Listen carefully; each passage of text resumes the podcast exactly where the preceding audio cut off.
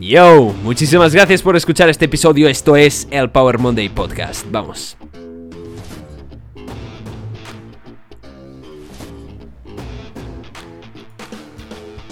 Bienvenidos a Power Monday Podcast, soy Pau, apasionado de fitness, motivación y ciencia y estoy muy agradecido de que estés aquí. Hoy te traigo un episodio súper interesante, vamos a hablar de crítica, de escuchar el corazón y de la deforestación, un tema candente muy importante que debemos llevar más conciencia. Así que vamos a empezar con la frase de Eleanor Roosevelt.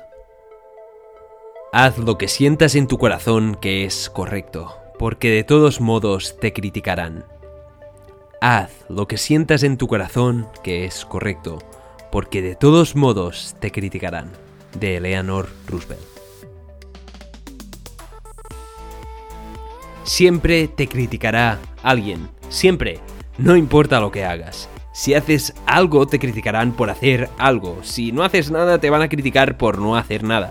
La gente te va a juzgar, te va a criticar, ya sea detrás de ti o delante de ti. Hagas lo que hagas, la crítica estará presente. Así que no debemos tener miedo a hacer lo que creemos, lo que sentimos en nuestro corazón por lo que dirá, lo que pensará la gente.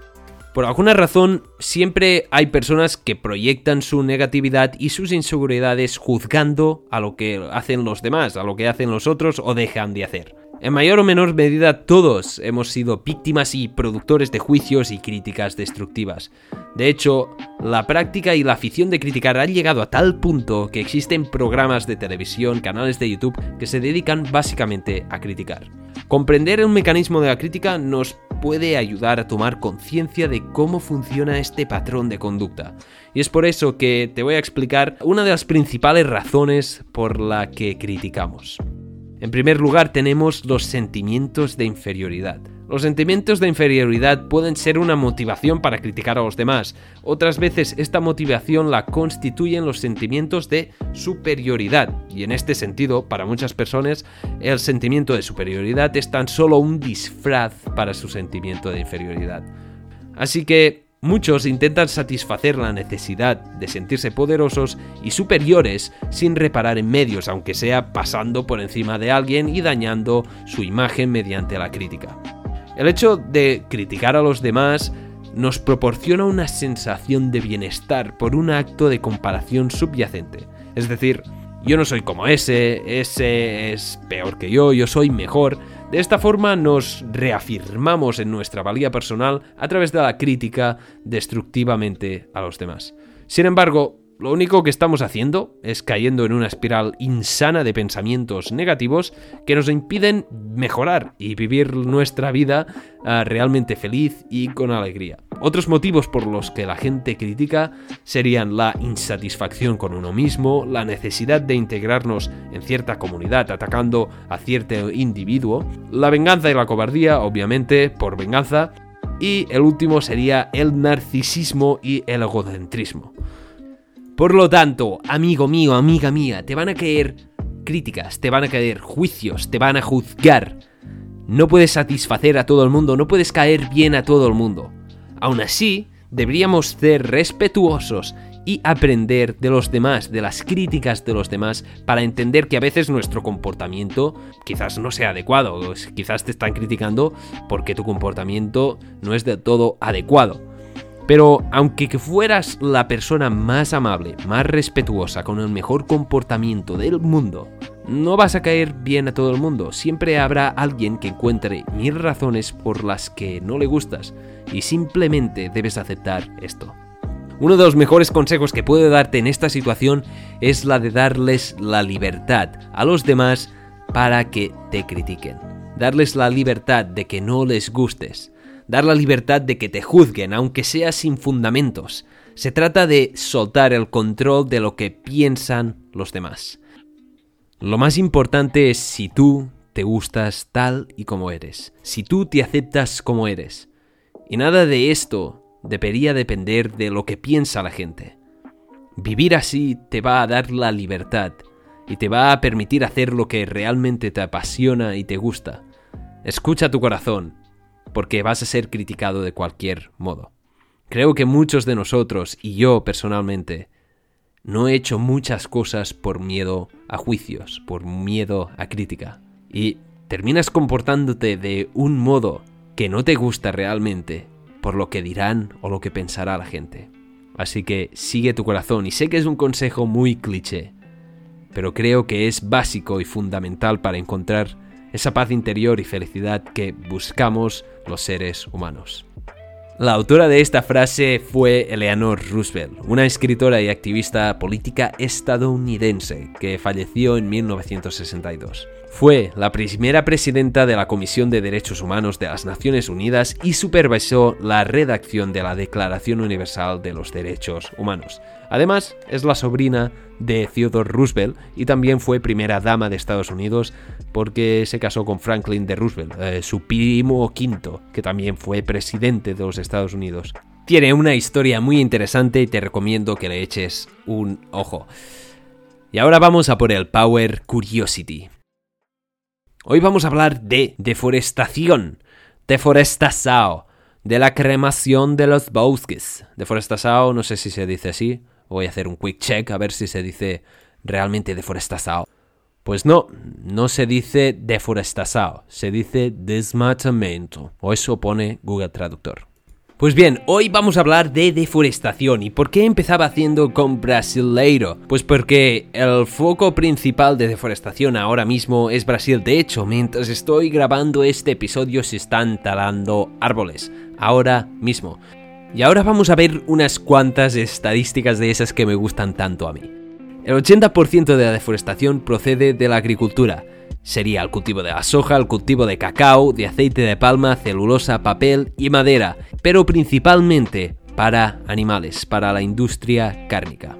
De hecho, el 26% de la superficie planetaria, es decir, de todo el mundo, se utiliza para alimentar animales o por su pasto y esto equivale a una superficie del tamaño de Norteamérica. Ahora mismo está teniendo lugar esta deforestación masiva en el Amazonas, que hace un tiempo veíamos en las redes, pero esta deforestación sigue, con fuegos y herramientas.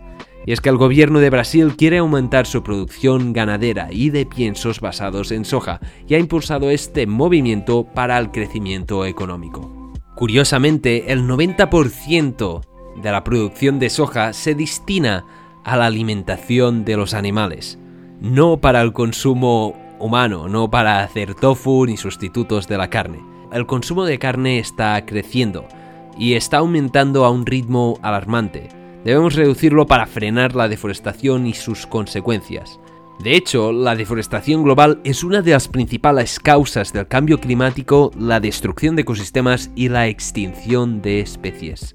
Y es muy importante dejar de contribuir a esta deforestación. Además, la producción cárnica no es sostenible a nivel medioambiental cuando tratamos de alimentar a la población creciente, ya que requiere mucha más superficie, energía, agua y recursos que los alimentos basados en plantas. Es un sistema poco eficiente.